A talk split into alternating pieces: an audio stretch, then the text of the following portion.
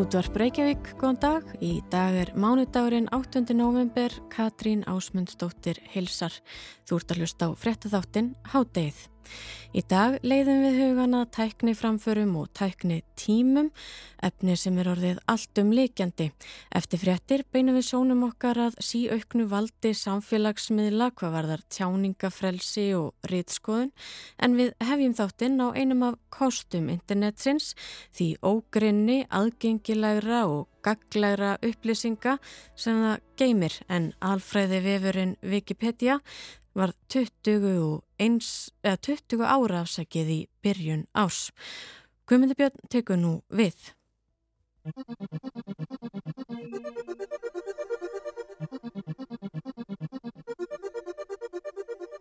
Ég er fættur um miðjan nýjunda áratugin og mann því vel eftir lífinu áður en internetið var komiðin á hvert heimili.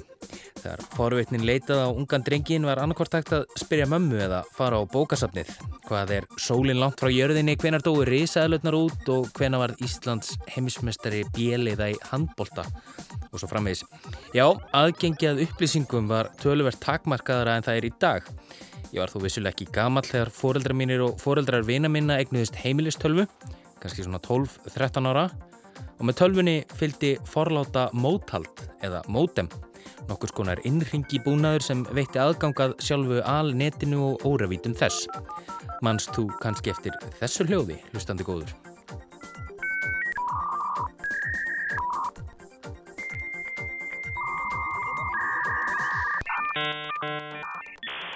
Síðan þá hafa leiðið hundrað ára eins og Bjartmar Guðlusson sagði eða manni líður allavega þannig. Í dag eru við með heimin í vasanum og gamla góða móthaldið heyrir sögunni til og við erum vakin og sofin í sítengingu. Upplýsingaflæðið er gríðalegt og það er ekkert internetinu óviðkomandi. En það var heldur betur ekki alltaf þannig og ekki heldur í árdaga internetsins. Hvar skal leita og hverju skal treysta? Þessi spurning leitað á notendur internetsins fyrir tveimur áratugum og hún gerir það vissulega ennþá. En í dag er hinn daglegi notandi þó betur læsa á hvaða upplýsingum skuli treysta og hvaða upplýsingar eru vafasamar. Víkur þá sögunni að alfræði vefnum Wikipedia sem í dag fagnar 20 ára afmæli sínu.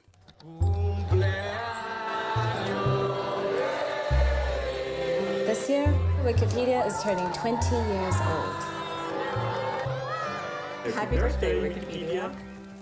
Fyrir ykkur sem ekki vita þá er Wikipedia nokkus konar alfræðiritt þar sem finnum á ítarlegar greinar og upplýsingar um allt, bókstaflega allt, millir heimins og gerðar. Everything is on Wikipedia. It is funny and it is brilliant. There's war heroes and battles. Pregnancy and childbirth. The constellations of the zodiac. Já, allt er á Wikipedia, greinar um stríðshetjur og stríð, ólettu og fæðingar, stjórnumerki, konur í vísindum, afa þversögnina, svo kalluðu dansi, gana og kynlífi í gemnum eins og greinar höfundar Wikipedia segja hér frá í myndbandi sem var gert í tilefni afmælisins. And also sex in space. We're living in amazing times, really. Um þetta allt og meira til getur þú lesið á Wikipedia sem í dag teilur um 56 miljón greinar á 316 tungumálum. 1,7 miljardur manna notar síðuna í hverju mánuði, tæmlega 20% heimsbyðarinnar. Þessi magnaði alfræði vefur var opnaður fyrir formlega 20 árum en hann var settur á laginnar af Jimmy Wales og Larry Sanger á þessum degi árið 2001. Stopnendur síðunar getu vel verið orðnir miljardamæringar í dag en það er síðan einn mest sóta vefsíða í heiminum.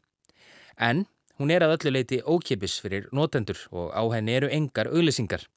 Markmið Wales og Sanger var frá fyrsta degi ekki að græða peninga heldur að veita fólki aðgangað þekkingu og leifa öðrum að deila sinni. Síðan er að öllu leiti reikin með frjálsum framlegum nótenda sem borga þannig laun fastra starfsmanna. Orðið viki kemur úr hafaísku og merkir snögt eða snöggur. Greinar Wikipedia tengjast innbyrðis með tenglum sem lesendur geta fyllt til að fá nánari skýringar á hugtæki sem kemur fyrir í tekstanum. Það sem er sérstakt við Wikipedia er að hún byggist á Wikimedia hugmyndafræðinni svo kalluðu.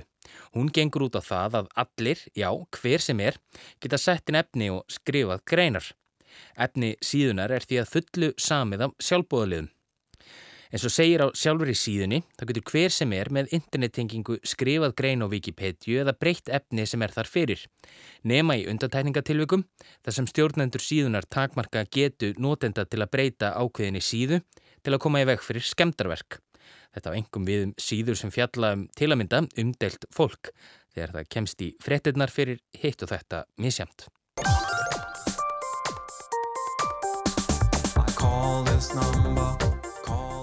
Auk þess vinnur Wikipedia eftir ákveðnu leiðarljósi. Það eru máttarstólpadnir 5 svokölluðu sem greinarhöfundum ber að hafa í huga við greinarskrif. Þeir eru eftirfarandi. Númer 1.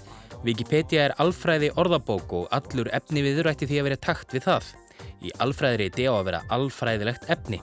Wikipedia er ekki vefhýsingaraðili, bloggsíða, minningarsapn eða staður fyrir frum rannsóknir eða handahófsvalda tengla.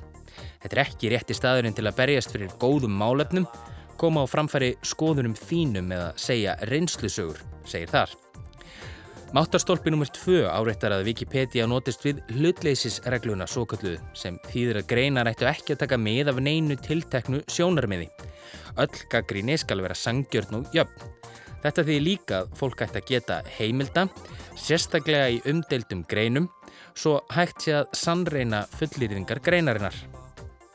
Í máttarstólpa 3 segir að Wikipedia innihaldi frjálst efni sem þýðir að allur texti sé frjáls eða í almanna eigu. Því má hver sem er breyta texta og enginn hefur sérstakar stjórn yfir gefnum texta. Þetta þýðir að texti sem er verndaður af höfundarétti á ekki heima á Wikipedia og þið sama gildir um myndir.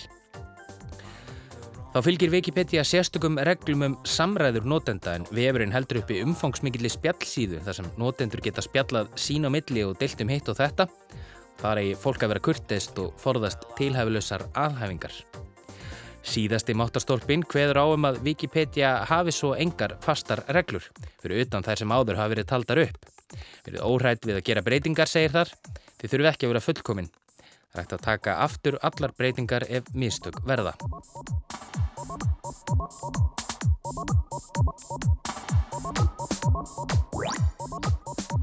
Gott og vel, en get ég treyst því sem einhver pétur og einhver pall út í bæ skrifar á Wikipedia? Í árdaga Wikipedia þótti þessi stafræna alfræðibók hreint ekki áreiðanleg og í öllu skólastarfi, kost sem í mentaskóla eða háskóla, tóku kennarar fyrir það nefnendur treystu og upplýsingar frá Wikipedia. En þetta hefur tekið miklum breytingum á síðustu árum. En svo fram kemur í öðrum máttarstólpanum ber notendum að geta heimilda og í dag eru flestar greinarnar á Wikipedia hlaðnar neðamálsgreinum og tilvísunum. Sér fullirðingu slengt fram og enga tilvísun að finna gera stjórnendur síðunar aðtöðsendu það að setja í svega tilvísun vantar. Þannig að lesandin getur sjálfur séð að fullirðingin er ekki raukstuð með vísun í heimildir. Á tímum falsfrétta og upplýsinga óreiðu er hlutverk Wikipedia því mjög mikilvægt og ábyrð þeirra sem þar skrifa mikil. Stjórnendur síðunar fylgjast vel með óprúknum notendum sem reyna að hagreiða sannleikanum og yfirleitt líða ekki mikið meir en 5 mínútur á milli þess sem stjórnendur síðunar taka út óraugstuttar fullirðingar eða beinlýnis rángar. Lucy Crompton Reed, aðal rittstjóri Wikimedia hópsins í Breitlandi, segir Wikipedia vera mótefni við upplýsinga óreiðu og falsfréttum og hvetur notendur sína á þessum tímamótum til að gera allt sem í þeirra valdi standi svo að Wikipedia haldi þeim háa gæða staðli sem síðan hefur náð á síðustu árum. Ég get hreinlega ekki gert mér í hugalund hvernig líf mitt væri ef ég hefði ekki Wikipedia. Þar má sem fyrr segir finna upplýsingar um allt milli heimins og jarðar og Wikipedia hefur auðgað líf mitt og einfaldað tölu verðt, bæði starfi mínu sem fjölmjölamæður og í mínu personulega lífi. Það er því kannski við hæfi nú, eftir að hafa notað síðuna nær daglega í meir en áratug að ég láti eins og nokkrar krónur af hendi rakna til síðunar. Eftir því sem tækninni vindur fram með hverri nýri uppfærslu, nýju spennandi appi, fleiri vinum á samfélagsmiðlum og nýjum iPhone með enn fleiri myndavélar verða snjalltækin okkar meira og meira eins og einhvers konar framlenging af sjálfinu en það nánast eins og nýr en órjúvanlegur líkamspartur, jafnvel. Og vald samfélagsmiðla vex og eikst svo samhliða þessari þróun og færist inn á ímis við samfélagsins svo sem hvað við kemur tjáningafrelsi og rittskoðun. Er svo þróun áhyggjuefni, hvernig eiga samfélagsmiðlar að snúa sér í þeim efnum og hvernig lítur framtíðin út. Við bárum áliðundir Elfu Ír Gilvadóttur framkvæmdarstjóra fjölmiðlanemdar og pistillin var fyrst fluttur 20. og 3. februar. Á alnetinu má finna margt óhugulegt líkt og flestir sem verði einhverjum tíma þar vita hvort sem sérstaklega er leitað eftir slíku efni eður ei. Nigars. You get any closer to me, you're gonna have a right on that floor. That is how you get yourself shot on the street. fucking tried to shoot. I shot him. You're disgusting. But I'm being honest with you. Like to punch him in the face, I'll tell you. What? Svona tal, talsmáti, umræða, haturs, orðræða, kvartning til ofbeldis, ofbeldi, falsfréttir, samsæriskenningar, rángar upplýsingar og þarfram eftir gödunum vil maður kannski síður að sé hluti af lífimanns. Að fá svona og samskonar efni beint í æð á Facebook skrollinu yfir morgumbóllanum. En allt þetta efni og endalust meira til, bæði gott og vond er að finna á samfélagsmiðlum. Nú vil ég kannski heldur sjá léttara, jákvæðara og hressara efni á mínum ströymi, fallega hluti, fólki mitt, kvolpa og kettlinga, jákvæðni og grín og glens. I'm six and I'm a beauty queen. Dolly bit me. Love you, Mr. Bubs. Do you love me too? Og helst forðast efni sem mér þykir óviðeigandi, fordómafullt, triggerandi og óþægilegt. En hverju er ég tilbúin að fórna til að þurfi ekki að rekast á ljótt efni á vafri um samfélagsmiðla? Er ég tilbúin að leifa samfélagsmiðlum, enga samsteipum, fólkinu sem þar vinnur, algóriðmanum sem þar er notaður, að ákveða fyrir mig hvað er skilgreint sem ljótt og óviðegandi, hvað má og hvað má ekki segja og gera, hvað ég fæ og hvað ég fæ ekki að sjá og heyra og hverju má heyrast í. Sem sagt, tjáningafrelsi og rítskoðun samfélagsmiðla hefur verið óveinju mikið til umfjöllunar á undanförnu, sérstaklega eftir að helstu samfélagsmiðlar lokuðu aðgangi Donalds Trumps fyrverandi bandaríkjafósetta í kjölfar árásarinnar á þinghúsið í Washington 7. januar. Fossetin sem gerðnan deldi umdeldu efni með fylgjendum sínum á samfélagsmiðlum sem voru hans helsti vettvangur Frankly, var oft á tíðum talin dreifa villandi og misvísandi eða einfallega raungum upplýsingum og jafnvel talin hvetja til ofbeldis. Ákverðun samfélagsmiðlum að loka á forsetan, jafnvel til frambúðar, hefur verið umdeild en forsvarsmenn miðlana segja að hegðun forsetans samræmist ekki notendaskilmálum þeirra. Ég rætti við Elfu Ír Gilvadóttur framkvöndastjóra fjölmiðlanemdar um þetta margræða mál. Eiga samfélagsmiðlar, enga samsteipurnar sem reka Google, Instagram, Facebook, Twitter, TikTok og allt þetta að skipta sér af því sem við sjáum. Eiga þeir að rítskoða efni sem byrtist á vettvangi þeirra og ef svo er að hvaða marki. Af hverju rítskoða samfélagsmiðlar eiginlega og hvað mælir með því að þeir geri það? Við sem notendur í hennum ymsu ríkjum, við erum vön því að það er réttaríki og það að stjórnvöld sem svo tryggir það að það sé svona tjáningafrelsi til dæmis hérna í Evrópu og svo framvegs. En hafandi sagt það þá er náttúrulega tjáningafrelsi með einhver ákveðin mörg og mörgin eru til dæmis friðhelgi annara, ærumeyðingar, hatus, orðræðu og svo framvegs. Hins vegar, ólíkt réttaríkjum eru samfélagsmiðlar engafyrirtæki sem sjálfur semja sína eigin notendaskilmála og ákveða hvað má og hvað má ekki. Væntingar okkar notenda verðast þó vera þær sömu og í öðrum almannarímum sem eru ekki engareikin. Og það eru þessar réttmættu væntingar fólks um það að, að það sé ekki verið að hvetja til ofbeldis eða refsiverða háttsemi eða gefa upp allskyns persónulegar upplýsingar um fólk en þess að fólk er náttúrulega með friðhelgi, ærum, meiðingar og svo framvegis en síðan er náttúrulega líka fullt af bara skadilegu efni bara ímislegt svona sem að tengis bara glæpum og, og, og svo framvegis. Því hefur farið að myndast þrýstingur á miðlanum að rítskoða óviðegandi efni.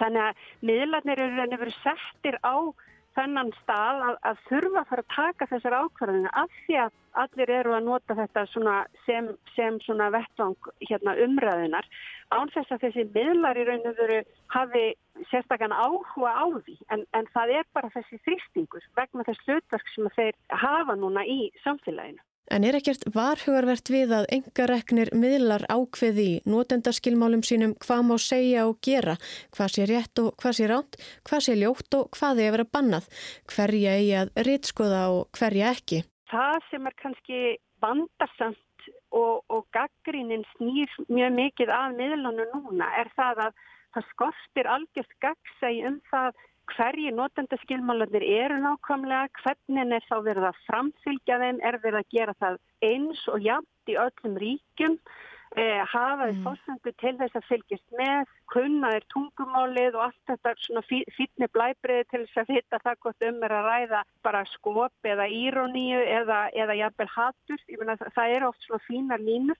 En hvernig velja þér, það er að segja forsvarsmenn samfélagsmiðla, hvað á eða þarf að reytskoða, hvaða forsendur eru þar að baki, algilda reglur um hvað fer gegn siðferðisvitund okkar eða meira markaskendar forsendur á borð við hagsmunni fyrirtækisins, þrýsting frá notendum, pólitík, orðspor og gethóta og gildir þá eitt um alla. Þó að Facebook hafi gefið það út að þeir séu svona með samræmda reglur í öllum ríkjum að þá bara sjáum við það á undanförnum árum að, að það er ímuslegt sem að hefur gengið mjög langt í mörgum ríkjum, til dæmis bara dæmi í Myanmar sem hefur nú nýlega verið aftur til til mikillar umræði í, í frettum en, þar sagt, voru hérna bara yfirmenn og, og aðstu stjórnendur í ríkinum sem voru að hvetja til þjóðamors mm -hmm. og Facebook er raun og verið gerð ekki neitt fyrir en að, að, að það voru 10.000 mann sem voru þegar látnir sem þess að dróingjar.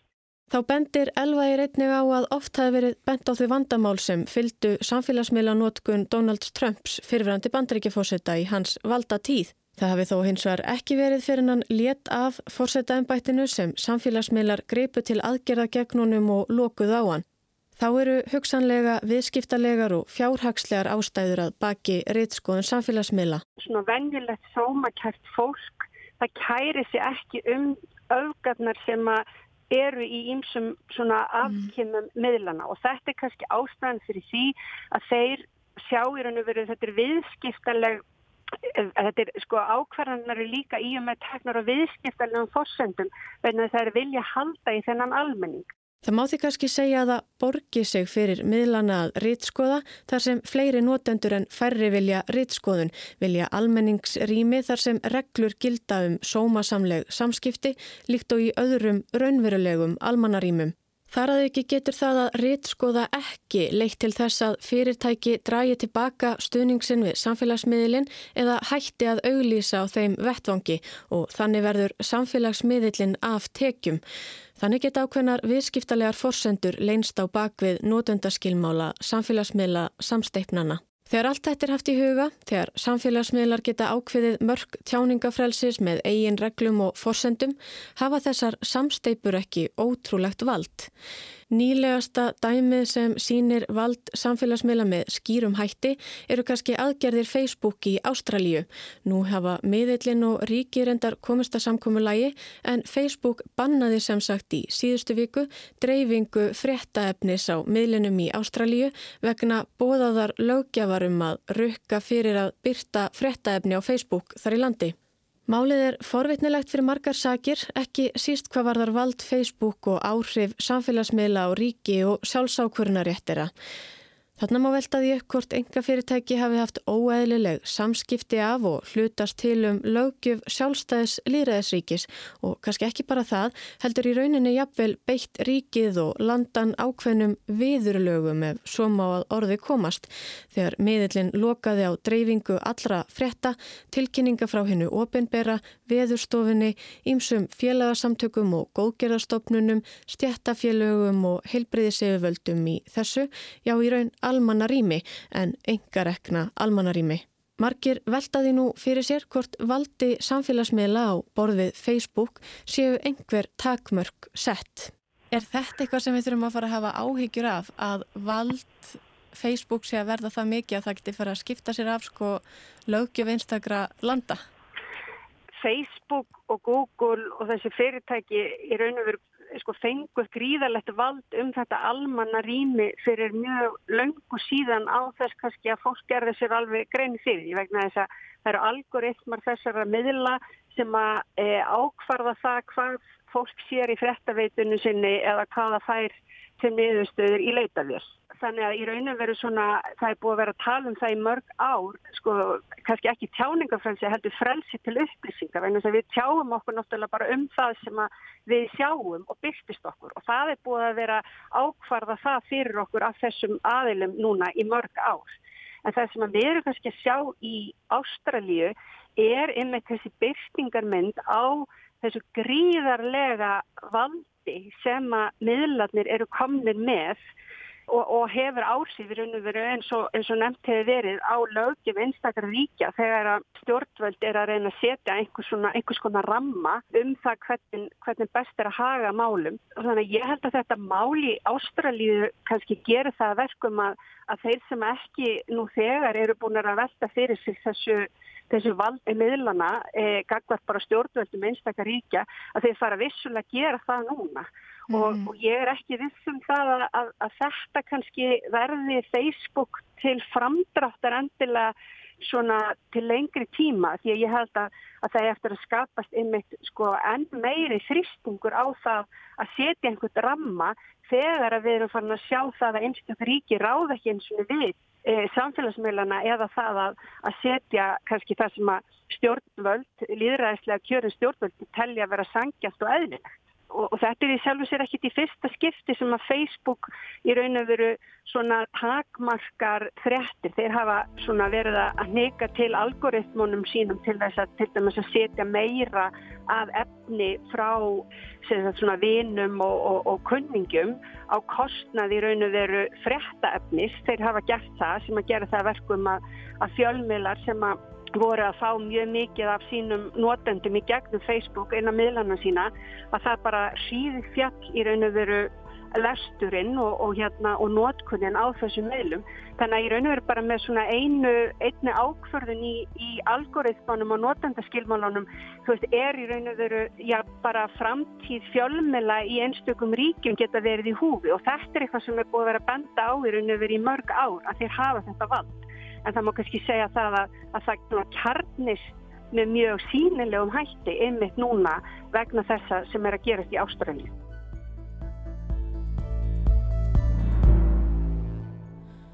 Sagði Elva Ír Gilvadóttir Þessi pistill var frumfluttur 23. februar en hátið verður það ekki lengra í dag. Við verðum hér aftur á sama tíma á morgun og þátturinn er einni aðgengilegur í spilaranum og á hlaðvarpsveitum. Þá er þetta að senda okkur post með ábendingum á netfangið hádegið hjá rúf.is. Verið sæl.